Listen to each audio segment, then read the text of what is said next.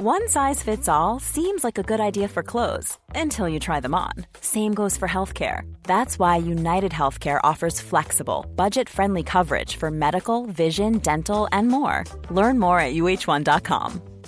It's that time of the year. Your vacation is coming up.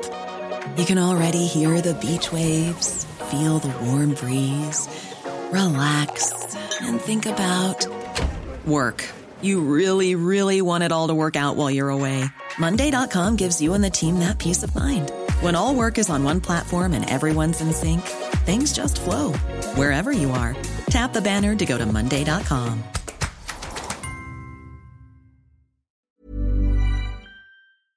En eh, riktig god torsdag. Det har blitt 18. august. Velkommen tilbake til oss i Finansavisen. Her på plass fra Arendal. Regnet har kommet tilbake etter det troperegnet vi så på eh, tirsdag. Så får vi kanskje håpe og be om at det hjelper litt på strømprisene for eh, oss nordmenn, og ikke minst kriserammede europeere. Vi har en tettpakket sending klar for dere her nå på formiddagen. Vi får straks besøk av Sparebank 1s sjeføkonom Harald Magnus Andreassen, som skal analysere rentebeslutningen som vi får om et kvarters tid tid eh, fra Ida Wolden eh, Bakke. Og så Det er jo da ventet at eh, vi får en dobbeltheving opp fra da dagens nivå på 1,25. Så får vi se hva Norges Bank klinker til med. Vi skal også snakke med Karl Johan om dagens aksjenyheter, inkludert tallene fra Autostore.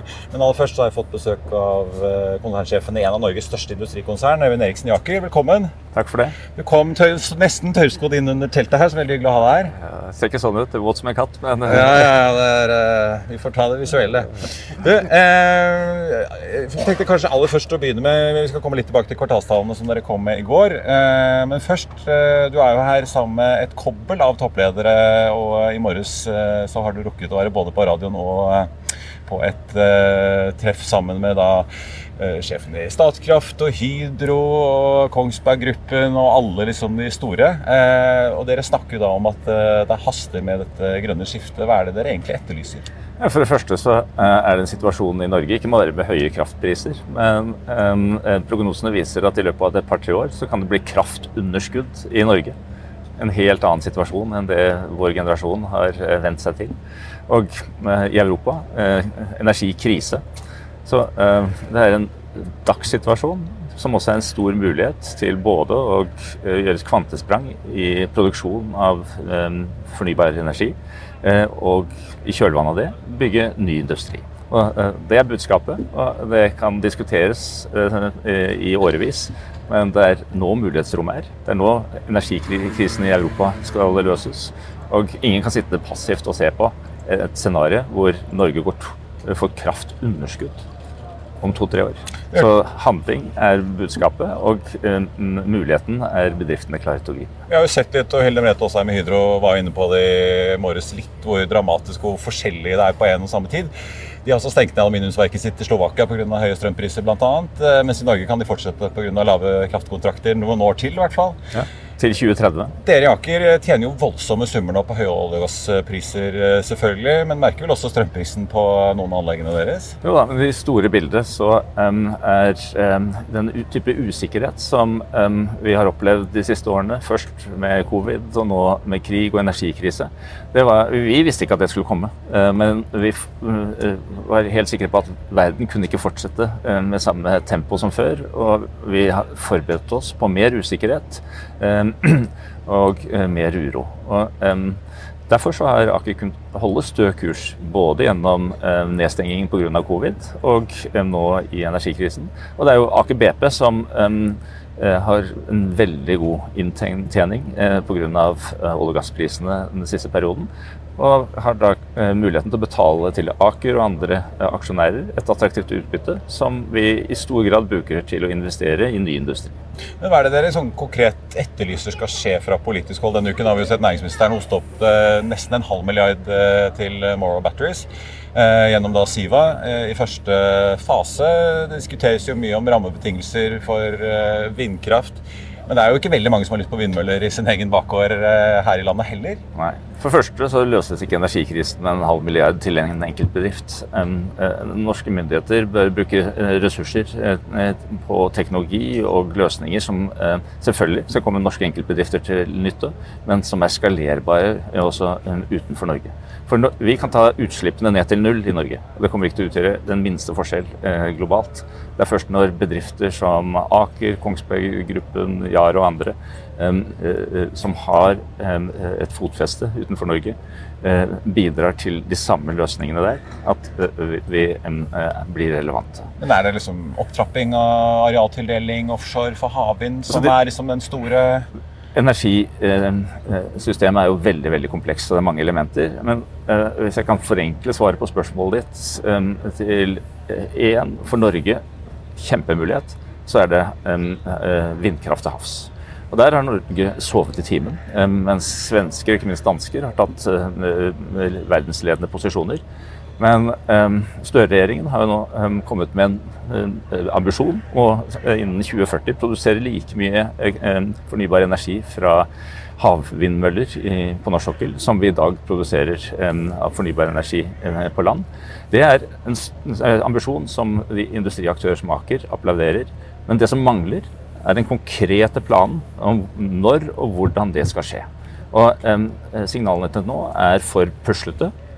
1,5 gigawatt um, i Sørlige Nordsjø, 1,5 gigawatt på Utsira monner ikke. Vi har en mulighet til å forene både private bedrifter og offentlige aktører.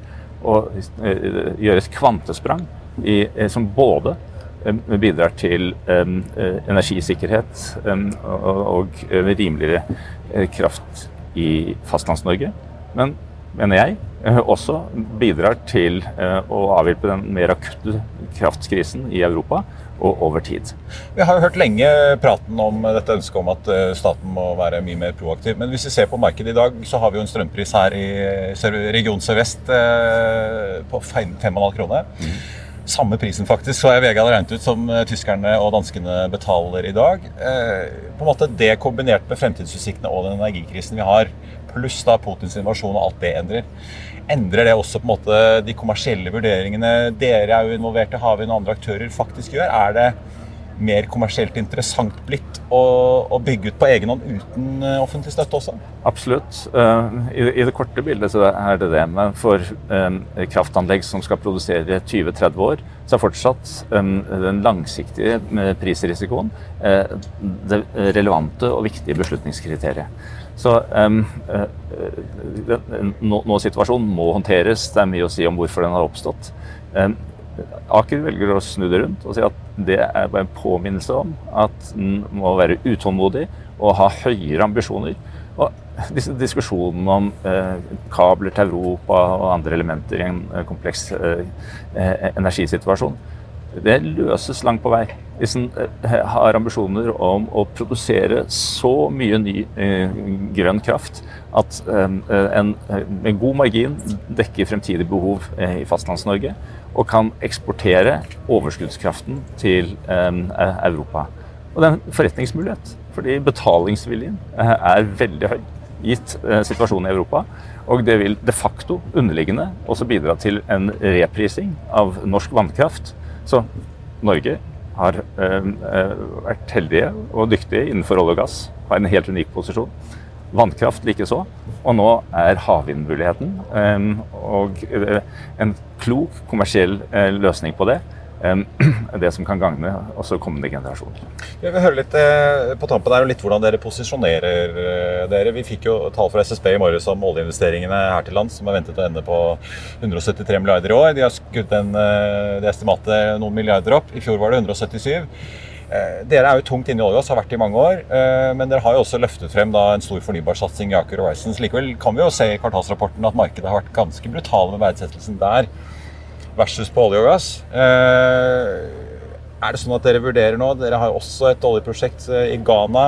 Stor aktivitet på norsk sokkel. Er det sånn at dere vurderer å øke satsingen på olje og gass når dere nå ser hva som skjer?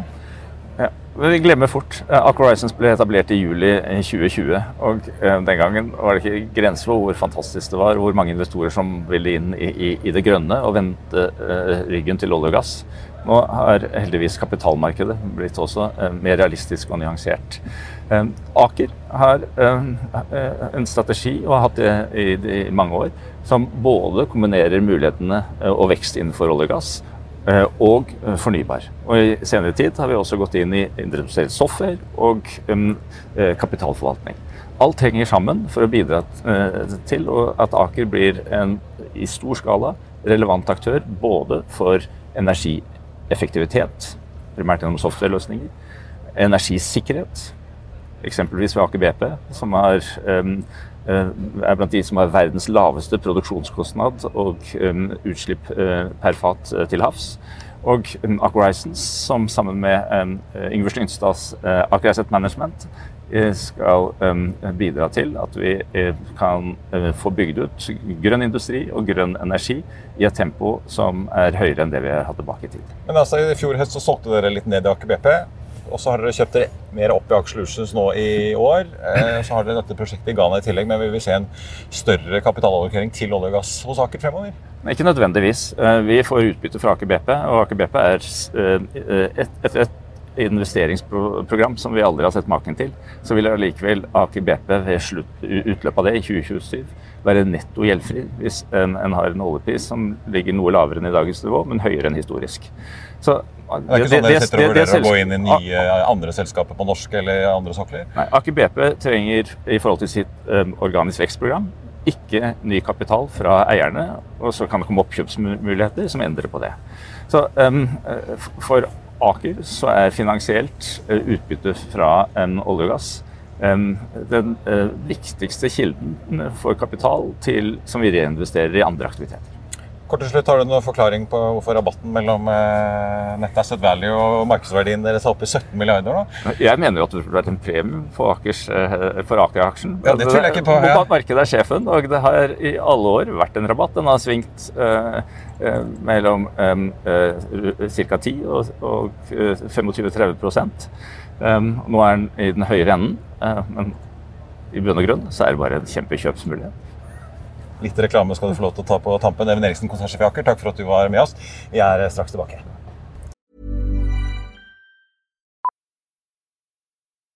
Millions of people have lost weight with personalized plans from Noom.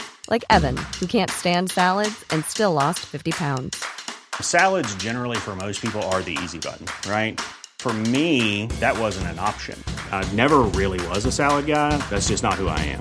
But Noom worked for me. Get your personalized plan today at noom.com. Real noom user compensated to provide their story. In four weeks, the typical noom user can expect to lose one to two pounds per week. Individual results may vary. I'll see you in court. Vi sier det ofte litt på spøk, men for deg som driver business, er det aldri moro å innse at du ikke har laget en 100% gyldig kontrakt. Du bør ikke risikere hele firmaet ditt fordi du synes dette med kontrakter er litt stress. En avtale er ikke en avtale. Du kan miste kunder, miste venner, ja, til og med miste inntekter om du ikke lager en skikkelig kontrakt, på alt mulig, egentlig. Men vi vet det er et styr. Kopimaskiner, tregprinter og haugevis av papir. Dessuten stoler vi jo på folk her i landet. Det er ofte litt kleint å skulle be om en signatur for alt mulig, ja, for mye av styret handler også om jakten på underskriften. Det finnes en enkel måte å løse dette på, Dukkobit, en trygg, effektiv og get this, gratis måte å sikre seg en god natts søvn pluss en juridisk bindende avtale. Dukkobit-appen har de strengeste sikkerhetskrav i bunn, samt en EU-godkjent og sertifisert teknologi. Framover vil det bli behagelig å spørre du, skal vi skrive under på det, eller? Kom i gang på dokobit.no. Da har eh, klokken blitt eh, ett minutt over tid, og vi har fått rentedommen fra Norges Bank. Det sier kanskje litt om tidene at eh, det faktisk ble en såkalt dobbeltheving fra sentralbanken i dag. Altså en økning på 0,5 prosentpoeng opp da til en styringsrente på 1,75. Med meg nå har jeg sjeføkonom Harald Magnus Andreassen i Sparebanken Markets. Magnus, litt uortodoks kost å få. Vi så jo noe sånt under pandemien, bare med motsatt fortegn. Men Og nå er pandemien over, så nå er pandemien over. Ja. Nå er det altså og til og med et mellommøte i Norges Bank. Det er Ja. ingen ny prognose fra sentralbanken. Nei, det, er, det, er en, det sier litt om den situasjonen Norges Bank er i, men også alle andre sentralbanker i realiteten. Eh, og det står i teksten her det vi har snakket om, og det dere har snakket om nå i det uendelige. Prisveksten er langt høyere enn prismålet, og det er bredt. Det er ikke bare på, Hadde det bare strømprisen og matprisen, så hadde ikke Norges Bank løftet en finger. Dette er fordi prisveksten stiger på ganske bred basis, og samtidig også at arbeidsledigheten faller raskere nok en gang enn Norges Bank har lagt til grunn. Og det sier at det er et stramt arbeidsmarked med mangel på arbeidskraft. Og da trenger vi ikke stimulere økonomien med en rente som vi fortsatt tror er lavere enn det det skal være på lang sikt. Jeg merker meg at Ida Wolden Bakke sier at eh, ikke bare har vært prisoppgangen vært høyere enn de ventet, men også bredt basert. Altså det Ja, er det jeg stort sett det er oppgang jevnt Det er, over. eh, det er en tre, tre fjerdeparter av eh, KPI eh, stiger raskere enn 2% og tar vi det vi kaller median, altså hva er normalprisveksten på hele pakka, så ligger det altså mellom 4 og 5% og det er samme som kjerneinflasjon er, Ja. på 4,5. Uh, og da kan vi si ta bort maten, så er vi fortsatt på bare litt under 4. Ja. Så det hjelper ikke. Altså Vi klarer ikke å, å bortforklare selv var jo, steg jo til 6,8. 6,8 da hadde i juli. strømstøtten, hadde vi hatt, øh, hadde vi hatt uh, ni. 9-8,9. Men det er, så- det er klart, det, altså, det er viktig å få frem. Det er ikke pga. økte strømpriser og økte matpriser at Norges Bank hever renten. Norges Bank hever renten fordi økonomien er så sterk at den vil generere for høy prisvekst på bred basis hvis ikke det roer det litt ned. Jo lenger de venter, jo mer må de ta i. Og Derfor er det som har skjedd nå, Ja, de de ventet for dette. lenge. Ja, De de- ventet for lenge eh, og, må, og må nå ta i. Men dette er ikke bare Norges Bank startet jo ballet. Det var det som først hevet. Ja, New Zealand var kanskje noen dager før. Eh, Men eh, de fleste sentralbanker erkjenner nå at de har vært holdt renten for lav for lenge under pandemien. Vi kan forstå det i etterkant at det ble sånn, men mange kritiserte det så real time den gangen. At det var ikke nødvendig å kjøre så hardt så lenge. Eh, Og nå sitter vi med regningen i fanget. Jeg ser jo øh, Sentralbanksjefen sier at dette kan jo da innebære at prisveksten holder seg høy lenger. Ja. Og øh, hun sier jo sitat, det er behov for en klart høyere rente for å dempe presset i norsk økonomi. Ja, så det, det er hvor, hvor høyt sterk- tror du vi egentlig skal nå? Er vi da på 1,75? det syns jeg, eh, det synes jeg er kjempevanskelig. eh, Og Jeg hørte det på båten til Storebrand Ja, bak her i går. Vi også måtte spekulere litt. Men Ja, eh, og- det blir fort liksom totallet hvis vi får Ja, en økning tenke, til vi, jeg tror det blir På eh, samme 50 nivå. basispunkter til i september. Ja. Og da har vi tre stykker på rappen. Da er vi på eh, tre 2,25, doble. ja. Eh, og jeg tror på et eh, par rentehevinger til eh, slutten av, mot slutten av året, men da litt lavere tempo. Det er i måte det som også markedssynet er i dag. Da har vi en, en signalrente på 2,75. Uh, Nibo-renten er ventet å være på 3, nesten 3,50 eh, i første kvartal. Det er eh, FRA-kontrakten. Ettersom jeg er på Finansavisen, kan vi bruke uttrykket. Det er lov. Ja, det er lov. Og en veldig, viktig rente for bedriftene, for det er stort sett det de betaler og hvis vi legger på Nibor. en normal påslag til eh, bolig, så er vi langt over 4,5% rente. Ja. Og da er spørsmålet eh, hvilken rente er nødvendig for å roe ned husholdningene tilstrekkelig, og bedriftene også litt. Eh, og der er jeg usikker, fordi at gjelden har steget mye. Ikke superraskt de siste par-tre årene, det må sies, men nivået er fryktelig høyt. Og vi ser på fordelingen i gjeld at det er noen som sitter med veldig høy gjeld. Og jeg synes det er altså, Og de vil nå oppleve en betydelig nedgang i kjøpekraft. Fordi at rentene blir såpass mye høyere. Parentes der. Inflasjon i år kan bli over 5% Lønnsveksten blir trolig rundt 4 Reallønnstapet er ca. 1,5 Eh, Det er ikke i seg selv dramatisk, egentlig. Det er ikke ofte det skjer. Eh, Men det er ikke slik at dette snur opp ned på økonomien til folk flest. At inflasjonen har blitt høyere. Ubehagelig, men ikke noe krise. Vi kan sammenligne oss med at husholdningene under pandemien ikke fikk dra til utlandet, ikke gikk på restaurant, altså det var stengt ned. Eh, Det førte til at vi i sum, eller gjennomsnitt, da, sparte 12% av en årsinntekt ekstra utover det vi pleier å ha som sparerate. Og de pengene finner vi igjen bl.a. i bankene i dag, som bankinnskudd. Ja. Og det betyr, sånn, det betyr at ja, ubehagelig med inflasjonen vi har nå, men de aller fleste har godt med penger til å dekke dette her uten å gå ned i forbruket. Eh, De vil kunne dekke avdrag og renter på lån, eh, de aller fleste uten å måtte ordentlig knipe igjen. Så det er, noe, det er godt tenkelig at vi må dra til mer enn det markedet nå tror Norges Bank har lagt til grunn. Men allikevel så er det sånn at den halen i fordelingen som har høy gjeld, de får også en sånn såpass kraftig smell at jeg tror det kommer til å påvirke atferden, og vi ser jo på forbrukerbarometrene som kommer nå, i Norge, i Sverige, i Danmark, i Europa, Storbritannia og USA, så er det altså på de laveste nivåene vi har hatt noen gang. De aller fleste. Mil under det vi kunne tenke oss var mulig. Altså for de som igjen er eh, Er det noen som har studert på Handelshøyskolen her, eller lært statistikk? Eh, Forventningsbarometeret hadde standardavvik på minus 5,4. Standardavvik minus 5,4. Det skal ikke skje. Det kan jo bli veldig interessant å se hvordan eh, varehandelen egentlig får det da til julehandelen. Ja, det folk blir å kjempespennende. og derfor sier jeg at jeg- fra bankene sine. Jeg, jeg, jeg tror ikke vi skal, ja, for det, og det sier at jeg mener at da Norges Bank kommer til å heve inntil det virker.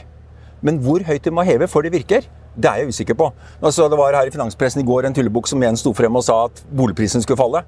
Uh, og han får sikkert ikke rett den gangen her heller. Uh, men det er klart at det er en situasjon hvor rammebetingelsene, eller altså kostnaden med å kjøpe bolig blir vanvittig mye høyere. Vi får altså en to- til tredobling av renten. Av rentebetalingen hver måned i løpet av bare noen få måneder.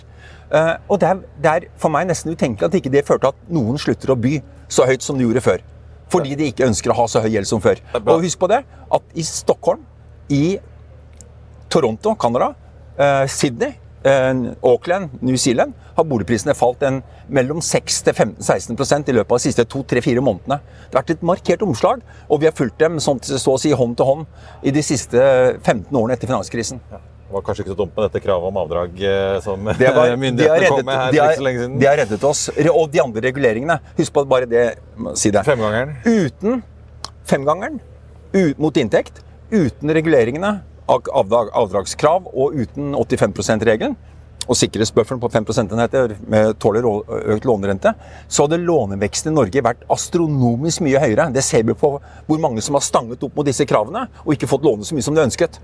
Eh, og hadde vi ikke hatt reguleringene, så hadde det vært soleklart at det, rentenivået vi har levd med i de fleste årene etter finanskrisen, har vært altfor lavt. For husholdningene. Det kan være andre grunner, men for husholdningene har det ikke vært noen balanse i rente. Og Det betyr også at vi skal være litt usikre, eller, altså litt usikre på hva vi tåler av renteøkning. For at, tross alt så har jo etterspørselen vært holdt nede av reguleringer.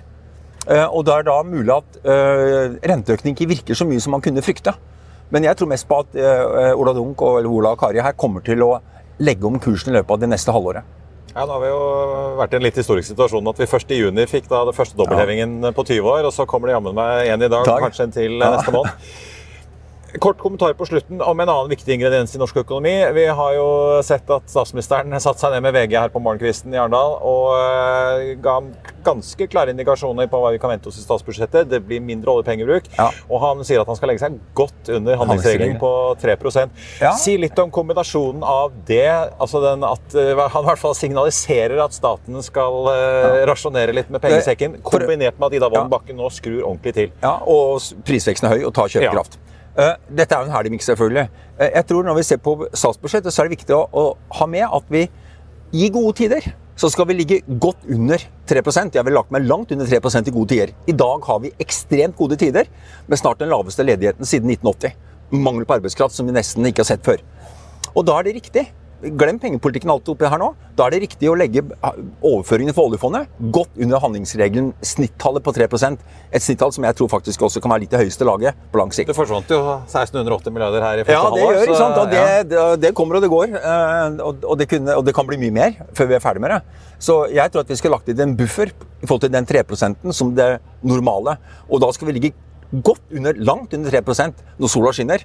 Ja, Ikke Arendal i dag, i og for seg. Jeg vet ikke om det syns på jakka men det var vått. Eh, Men, eh, men eh, og, derfor er det da riktig at vi holder igjen på budsjettet. Men kan, da, kan kombinasjonen Ja, av dette her det da er klart det kan gi det. en hard landing, Ja, som det, det er klart det kan gjøre det. Alt, men det å legge politikken og kjøre ekspansivt, altså bruke mye penger i budsjettene, i frykt for at eh, Norges Bank skal gjøre en politikktappe og øke renten for mye, det blir feil. Da gjør staten det den skal gjøre for å holde en langsiktig, fornuftig budsjettpolitikk og stabilisere økonomien på sin måte, på den det kan bidra med. Og så kan Norges Bank justere renten. Og det er klart det er et scenario hvor, eh, hvor det tipper over, hvor folk finner ut at de skal begynne å spare penger, som husholdninger i nesten alle land. Bortsett fra de hovedstedene jeg nevnte, de landene, de hovedstedene jeg nevnte her i sted. De har jo nedbetalt gjeld nå etter finanskrisen som de aldri før har gjort, til nullrente. Og hvis den situasjonen inntreffer at folk har lyst til å nedbetale gjelda si, og det ikke byr på boliger, og prisene faller 10-20% og 30 er i en måte ikke utenkelig Selvfølgelig Norges Bank setter renta tilbake til null igjen. Det, men det, vi kan ikke basere politikken på at kanskje ting kommer til å gå galt hvis vi fører en, en politikk som ut fra dagens situasjon er riktig. Da legger vi om politikken etterpå. Og det vi vet, det skal ikke stå på Stortinget eller regjering å komme opp med en snuoperasjon i finanspolitikken i løpet av to-tre uker, hvis det skulle vise seg å bli nødvendig. Iallfall ikke når det gjelder å øke pengebruken. Det har de og det har vi vist, at, vist at vi klarer. Og, og jeg tror at det er høyst fornuftig av, eh, av regjeringen å legge fram et budsjett som legger seg langt under handlingsregelen for 2023. Det blir eh, spennende å se hva som kommer i oktober, og deretter med forhandlinger utover høsten. Uansett altså, så har vi eh, fått en renteøkning i dag eh, for andre gang denne sommeren på 0,5 prosentpoeng, og er da oppe i 1,75. Harald Magnus Andreassen i Sparebanken Markets, takk skal du ha. Hyggelig å være Vi er straks tilbake. Da er vi tilbake med aksjekommentator Karl Johan Målnes. Hovedveksten nå opp 0,3 startet bitte litt ned, så det har snudd litt til pluss i dag. Vi får merke oss oljeprisen tikker også oppover, men da på, ligger fortsatt på 93 dollar og 90 cent. Så vi er jo et stykke under de toppene på ikke bare 100 dollar fatet, men langt over det som vi så eh, tidligere. Men Karl-Han, masse kvartalstall også i dag. Eh, vi hadde jo Aker-sjefen her. eh, han var jo ned 2,3 i dag. Stiger litt eh, til i dag. Kanskje verdt å, å få med seg da noen av disse virkelige svingningene som vi har sett den siste tiden. Valenius Wilhelmsen eh, er ned en 3% til i dag. De falt jo også 15,6% i går. Eh, Bilfraktrederiet som da kom med tall etter børsslutt på tirsdag. Link Mobility klatrer så vidt opp 0,1% etter at eh, de altså hadde tidenes fall her på tirsdag, 29,7% og så falt jo da nye 7,8 her i går. Jeg tenkte også bare ta med Elmera, tidligere kjent som Fjordkraft, tikker oppover 11% på sine tall. Oddfjell, kjemikalietankerne, startet opp 6 nå er de opp 11% de også. De hadde jo veldig gode time charter-inntekter i andre kvartal og varsler nå at de forventer samme nivå i tredje kvartal, så det blir eh, åpenbart godt uh, tatt imot. Så er det jo Axactor, da. Tikker også oppover en 4% på økte inntekter og en økt uh, De melder også om en økt uh, guiding på investeringsnivået sitt da fremover. Autostore dagens mest omsatte aksje foreløpig, med en omsetning på 150 millioner på børsen. Aksjen var jo opp til dette robotlagerselskapet over 12 svingt voldsomt. Nå ligger den så vidt i pluss på en prosent eller to. Eh, kraft dobler nesten omsetningen sin og ser for seg gode marginer fremover. Eh, må, hva er det som rører seg i lagerbransjen? Nei, det, det, det ser veldig bra ut. dette. Er et veldig spennende selskap. Og de vil jo dra nytte av to nye trender. Da. Det er jo mangel på arbeidskraft. Eh, og pluss at det du nå mye lettere slipper til i byen. Da. For en av de store problemene med internetthandel har jo vært å få tilgang på lokaler i de store byene. Og også de største shoppingsentrene er jo ikke inne i de store byene. Men hvis du kan begynne å ta en del bygg og bygge de om til kortsiktige robotlager for distribusjon, så vil mange ting åpne seg. Og eh, de guider jo da for eh, 30 vekst eh, i inntekter til neste år, og selv om de sier langsiktig vekst til 40% Men det klart, her er det fortsatt ti ganger sales, eh, så det er en dyr aksje, og vi er bear market, rentene skal opp. Men dette her er, dette er den aksjen når, når du ligger sammenkrøka i senga og griner for alt du har tapt på aksjer, så skal du lete fram en Post-It-lapp du skrev og Auto står på, for da blir rentene kutta. Eh, Og da skal du kjøpe Autostore. For dette er en megatrend som kommer til å vare i ti år. Men aksjen er fortsatt for dyr. Den kommer til å få skikkelig juling. eh, Kommer ikke til å bli godt behandla til bear-markedet.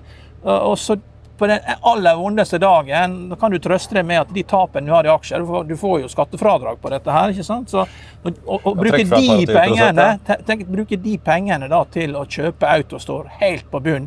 For den kommer til å gjøre det veldig bra ut av eh, neste bunn. Så Ja, det- ja. eh, Dette var jo den største børsnoteringen vi hadde da de kom på børs her. eh, Jeg husker ikke akkurat måneden i fjor. Men den aksjen suste jo opp. Så den godt opp på 40-tallet. Nå ligger den på 15 eh, kroner. Det har jo Du kan jo si det sånn at de, det har jo vært eh, litt av en berg-og-dal-banetur for disse aksjonærene. Ja, da. kan si det sånn at de, de revolusjonerte lagerhold da, ved å ta luften ut av, eh, luften ut av eh, eh, lagerlokalene. Men den overførte jo det til børsverdien, da. Så Ja. nå skal vi ta luften ut av aksjekursen. da. Vi må ned på litt sånn, vi må ned på gulvet for å, få, eh, for å begynne på nytt igjen i neste syklus.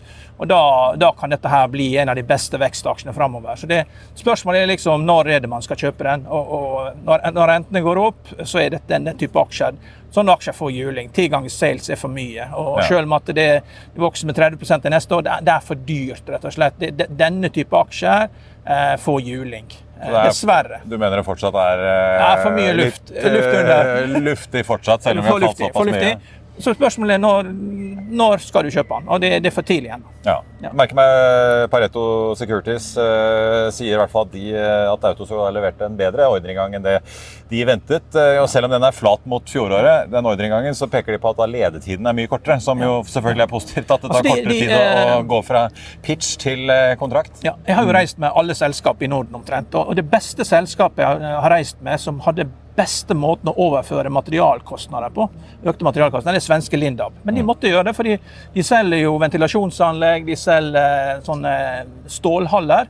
Og de måtte rett og slett legge inn i systemene sine til selgerne at etter hvert som prisen gikk opp, så måtte du da øke prisen. Og det er jo en del sånne automatiserte beslutninger man må legge inn også i et sånt selskap som det her. At du, du ikke opererer med, med for gamle priser når, når du har råvarepriser som går opp. Men det er klart, nå har jo råvareprisen gått ned. Men eh, hvis råvarer er et problem eh, for deg, så se på hva Lindab gjorde. og eh, Veldig godt svensk selskap eh, eh, fra, fra Skåne. En siste aksje jeg tenkte vi bare må nevne som jo er ganske interessant. Eh, MPC Container ute med sine tall i dag. Eh, Mange har jo fulgt med på både Møller, Mersk og andre i containerbransjen. Tjener voldsomt gode penger under både logistikkskvis og netthandel-rush. Den aksjen er jo da med utbytte opp 24 så langt i år. Stiger da 6 i dag. Eh, Selve kursen er jo bare opp 0,9 så langt i år, så de har jo virkelig fått en god direkteavkastning, disse aksjonærene. Inntektene øker kraftig fra nesten 70 til 152 millioner dollar. Bunnlinjen eksploderte fra 12 til 90 millioner dollar. De øker utbyttet, øker også guidingen på omsetning og EBITDA. Ratene i containerne sier de er jo litt ned, men de forventer høye rater i kommende kvartaler. Samtidig så eh, har jo DNB et litt mer sobert eh, syn på det enn selskapet selv virker det i hvert fall som. De har tatt ned kursmålet fra 35 til 29 kroner.